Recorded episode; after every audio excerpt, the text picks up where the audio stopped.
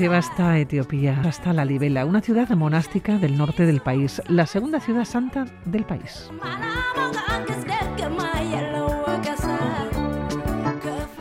Les hablamos eh, de un importante centro de peregrinación. Eh, su población, para que sea una idea, pertenece casi en su totalidad a la Iglesia Ortodoxa etíope.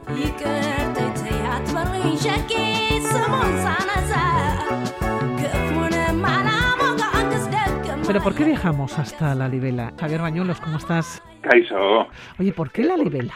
Pues eh, vamos a ver, primero, ¿por qué Etiopía? Y es que nosotros tenemos las Navidades, siempre las tenemos asociadas a, un día, que es el 24, eh, la cena Nochevieja, y el 25, el día de Navidad. Pero no en todas las partes, iba a decir en toda la cristiandad, aunque hoy en realidad la Navidad se ha convertido en una fiesta que trasciende un poco los, las fronteras de, lo meramente cristiano, pero bueno, no en todos los lugares donde se celebra, se celebra en las mismas en las mismas fechas, sí. Claro, y concretamente en Etiopía, se celebra concretamente el 7 de, el 7 de enero.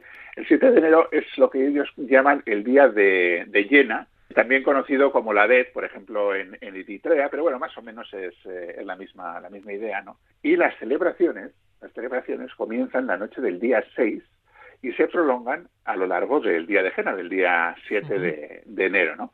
Y bueno, pues es una celebración que combina lo religioso y lo lúdico, nos suena, ¿verdad? Eh, el día anterior a Navidad, eh, que es el día llamado Gad, eh, es un día de ayuno. La noche es para, la celebración religiosa. normalmente se celebran procesiones y misas que comienzan pues, en torno a las 2, 3, 4 de, la, madrugada, con la gente vestidos con el sama, que es una especie de túnica de algodón blanco que les cubre todo el cuerpo, incluida la, cabeza.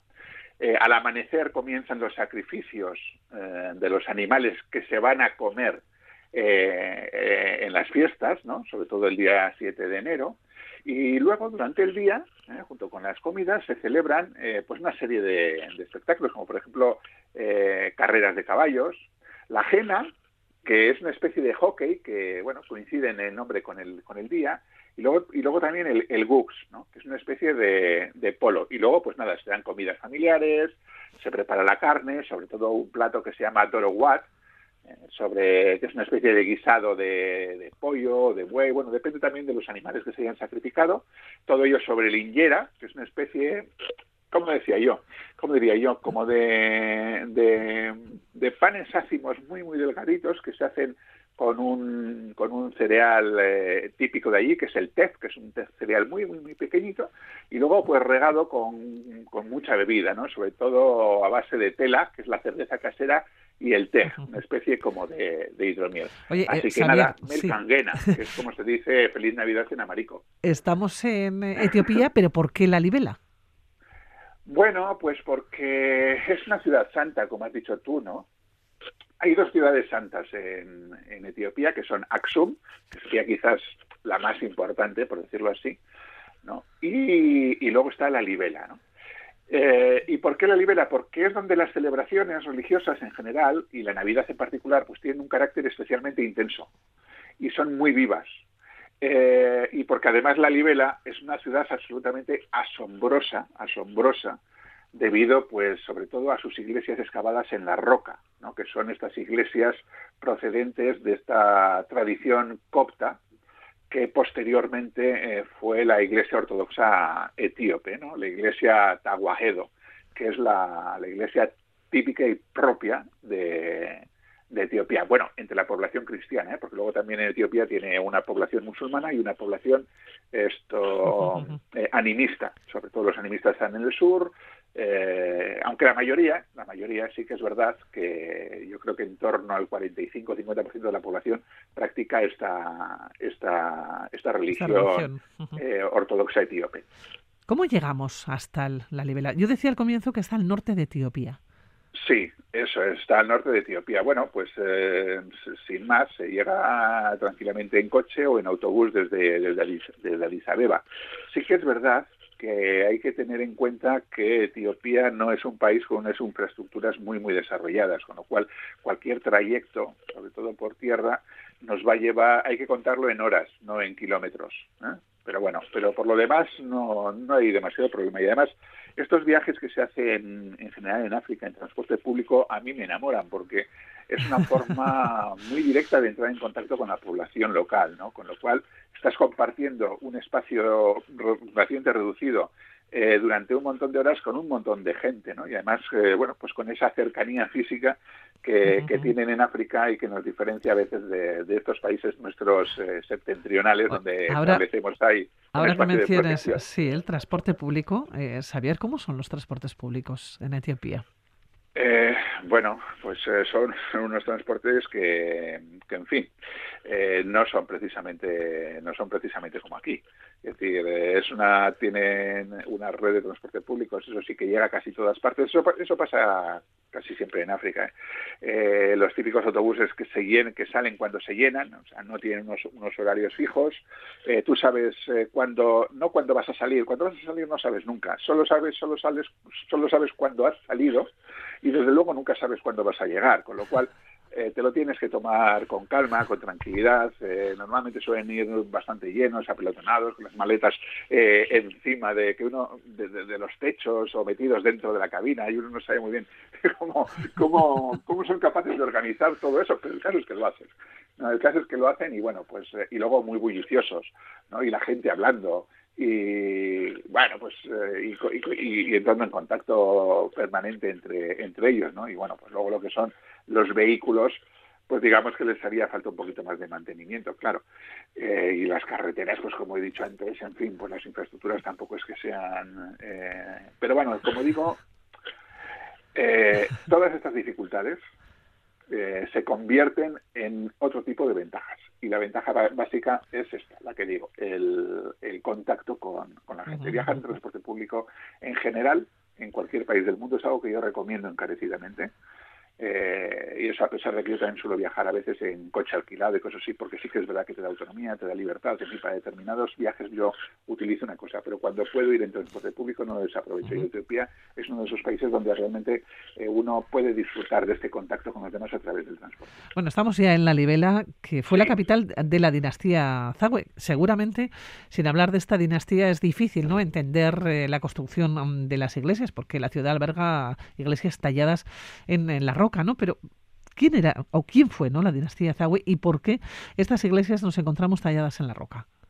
Bueno, a ver, eh, el nombre antiguo, el nombre original de, la Libera era Roja. Eh, y se cambió en torno al siglo XII, siglo XIII, eh, por la Libela en honor al rey Gebra Mascal la Libela que luego se convirtió en un santo de la, de la Iglesia Ortodoxa etíope. Gebra Mascal la Libela, eh, estamos hablando de época de cruzadas, estamos hablando de una época en la que Jerusalén estaba en manos de los, de los musulmanes, ¿no? en, Oriente Medio, no estaba en manos de, la cristiandad. Entonces, este, este rey, este rey santo, eh, Gebra Mascal la Libela, eh, tuvo la idea de crear una nueva Jerusalén ¿eh? tras la conquista de Tierra Santa por, por los musulmanes. ¿Y dónde iba a construir la Nueva Jerusalén? Pues en su propio reino. Eh, este fue uno de probablemente el, el, rey más importante que tuvo esta dinastía, la dinastía Zawed. Y fue él precisamente quien con esta idea eh, creó la Libela y construyó las iglesias rupestres. Dicen, dice la leyenda, que ayudado por los ángeles, ¿no? unos dicen que directamente ayudado por los ángeles mientras él ponía las, las piedras de las iglesias y otros dicen que mientras los, eh, los constructores iban por la, por la noche a dormir, bajaban los ángeles y adelantaban el, el, trabajo.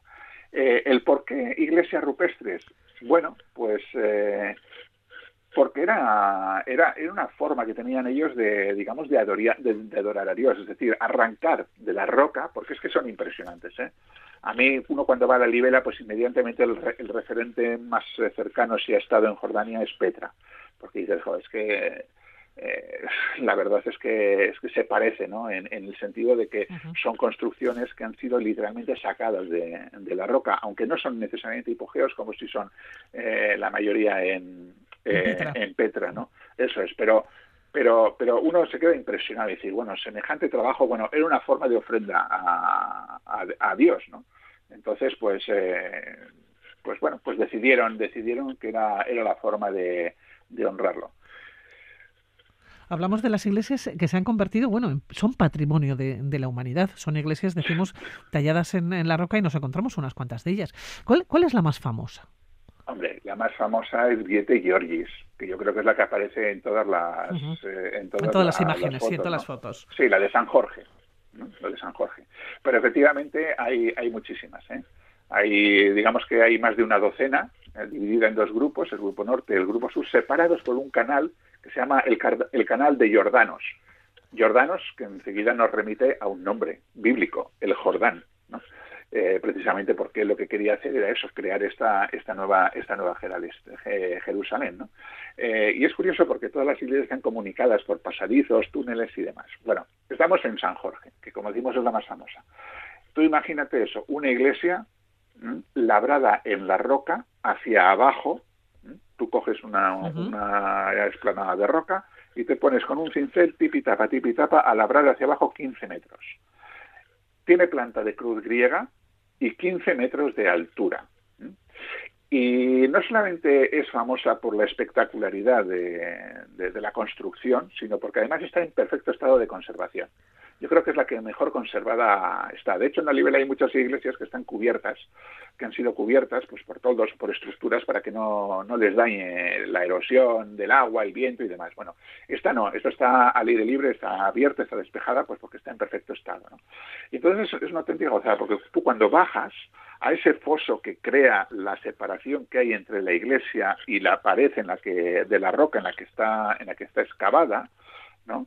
Eh, la miras hacia arriba y te da una sensación de, eh, no sé, de entre acogimiento, de... No sé, es una sensación extrañísima. Y ya cuando entras dentro, eh, ves que lo inunda una, una, una iluminación absolutamente mágica mágica, me dices, bueno, entonces claro, vas, vas sumando sorpresa tras, tras sorpresa, ¿no? Ya cuando miras las pequeñas cavidades que hay alrededor, que están llenas de momias, y están allí, porque no te creas tú que se que las tienen ni en sarcófagos ni nada, ¿no? Están allí, ¿no? Cadáveres momificados. Es, es, la verdad es que es, es, es increíble, es increíble, ¿no? Y, luego, eh, no sé, yo me acuerdo que, que tuve la suerte de entrar en el Magdas, el Mactas es, digamos, algo así como el Santa Santorum de, las iglesias etíopes, ¿no? que está separado normalmente del resto de la iglesia por, una especie de, manta, de, tela, ¿no? que, lo separa. Y, la verdad es que, bueno, pudimos entrar, no es que sea nada espectacular ni nada, simplemente es por el hecho de que has entrado en el, en el, en el de San Jorge, ¿no? que por cierto, eh, los curas de, de ahí le tenían en ese momento prohibido, no, no sé ahora, pero no dejaban entrar a las mujeres, lo cual, pues bueno, ya me fastidió un poco, pero bueno, a pesar de todo, pues, pues entré, ¿no? Y, bueno, pues tiene, tiene esa curiosidad. Pero es que además, eh, no, no, ya en San Jorge, sino en todos, los santones, los curas, eh, son muy peculiares, ¿no? Por su forma de vestir, por la gran cruz procesional que, que suelen llevar, eh, y luego además es gente en el sentido muy cercana, se deja hacer fotos, no tienen ningún problema, es más, les gusta, con lo cual eh, salvando las distancias de la comunicación, porque sobre todo en esta zona hablan pues amarico y, y no es un idioma precisamente Fácil, sí. Claro, eh, obviamente no entiendes nada, pero bueno, mm, en general es gente comunicativa, como casi todos los, eh, los africanos y las africanas, y entonces, pues bueno, siempre puedes hacer un, un, un aquel por entenderte y por tener cierta, cierta relación, ¿no? Hablabas de que las iglesias están relacionadas entre sí, o sea que se puede pasar más o menos ¿no? de, una a otra a través de, no, no, todas, pero algunas sí que sí que están comunicadas y, en algunas veces los centros, los, los, los dos centros, digamos, de los dos núcleos donde se distribuyen las, pero bueno, eh, en cualquier caso, la que no está esto sales y vas a la siguiente, vamos, que no hay ningún problema, porque están, están en un radio relativamente cercano, ¿eh? no, no, no están a 20 kilómetros unas de otras, ni muchísimo menos, es decir, están en un radio relativamente cercano ahí dentro de lo que es la libela dentro del pueblo. Bueno, pues vamos a hablar de otras fiestas eh, cóptas. Nada, muy brevemente, ¿cuándo debemos ir? ¿O cuándo podemos pues ir? Mira, Bueno, Etiopía se puede ir en cualquier momento, yo diría, pero vamos, si, lo que estamos buscando es vivir un poco estos extraños ritos de esta religión que difiere de, porque ellos son monofisistas, ¿no? Y entonces tienen una serie de monofisistas, quiere decir que no creen en la naturaleza humana de Cristo, solamente creen que Cristo era Dios y punto pelota, ¿no? Entonces a partir de ahí y del cisma que tuvieron con la, con la Iglesia romana, pues bueno, han y después con la Iglesia copta de Egipto han desarrollado toda una, una red de creencias y de ritos muy diferentes a, a los que hay en la cristiandad occidental ligada a, Roma, ¿no? a la Iglesia Católica. Entonces, pues bueno, pero sin embargo sí que coinciden una, serie de fiestas, por ejemplo, pero en fechas diferentes, porque ellos siguen el calendario juliano, no el gregoriano, y de ahí viene la, diversidad de, fechas, el hecho de que sea el 7 de enero la, Navidad, y no el 25 de diciembre. Bueno, entonces el caso es que aparte de estas, eh, son, son muy vistosas porque es un pueblo muy religioso. Entonces tenemos el Timcat, que sería la Epifanía, que se celebra durante tres días en torno al 19 de enero. Sobre todo es interesante, son muy interesantes las que se celebran en Gondar y en Tabat. Luego está la Fasica, que sería la Pascua ortodoxa, eh, entre marzo y abril. Eh, después de, una de un fin de... Es el fin de, un, de una cuaresma que para ellos es de 55 días. Luego está otra fiesta interesante, es el Kidus Johannes, que es el fin de año, ¿no? Eh, que bueno, en, en, su idioma se dice en Kutatash, y que se celebra el 11 de septiembre. Para ellos el fin de año, Nochevieja, es el 11 de septiembre. Y luego la última de las, de las fiestas, así yo diría más interesantes, sería el Meskel, es una, es una fiesta muy particular suya, que es el retorno de la Veracruz, ¿no? Y que se celebra pues un poquito después del, del Encuntatas, o sea, del, fin de año, que sería el 27 de septiembre. Tenemos muchas fechas, ¿eh? disfrutar de esto, estas serían las fechas más interesantes para ir. Xavier, que nos despedimos, cuídate mucho, un besito. Venga, pues, agur.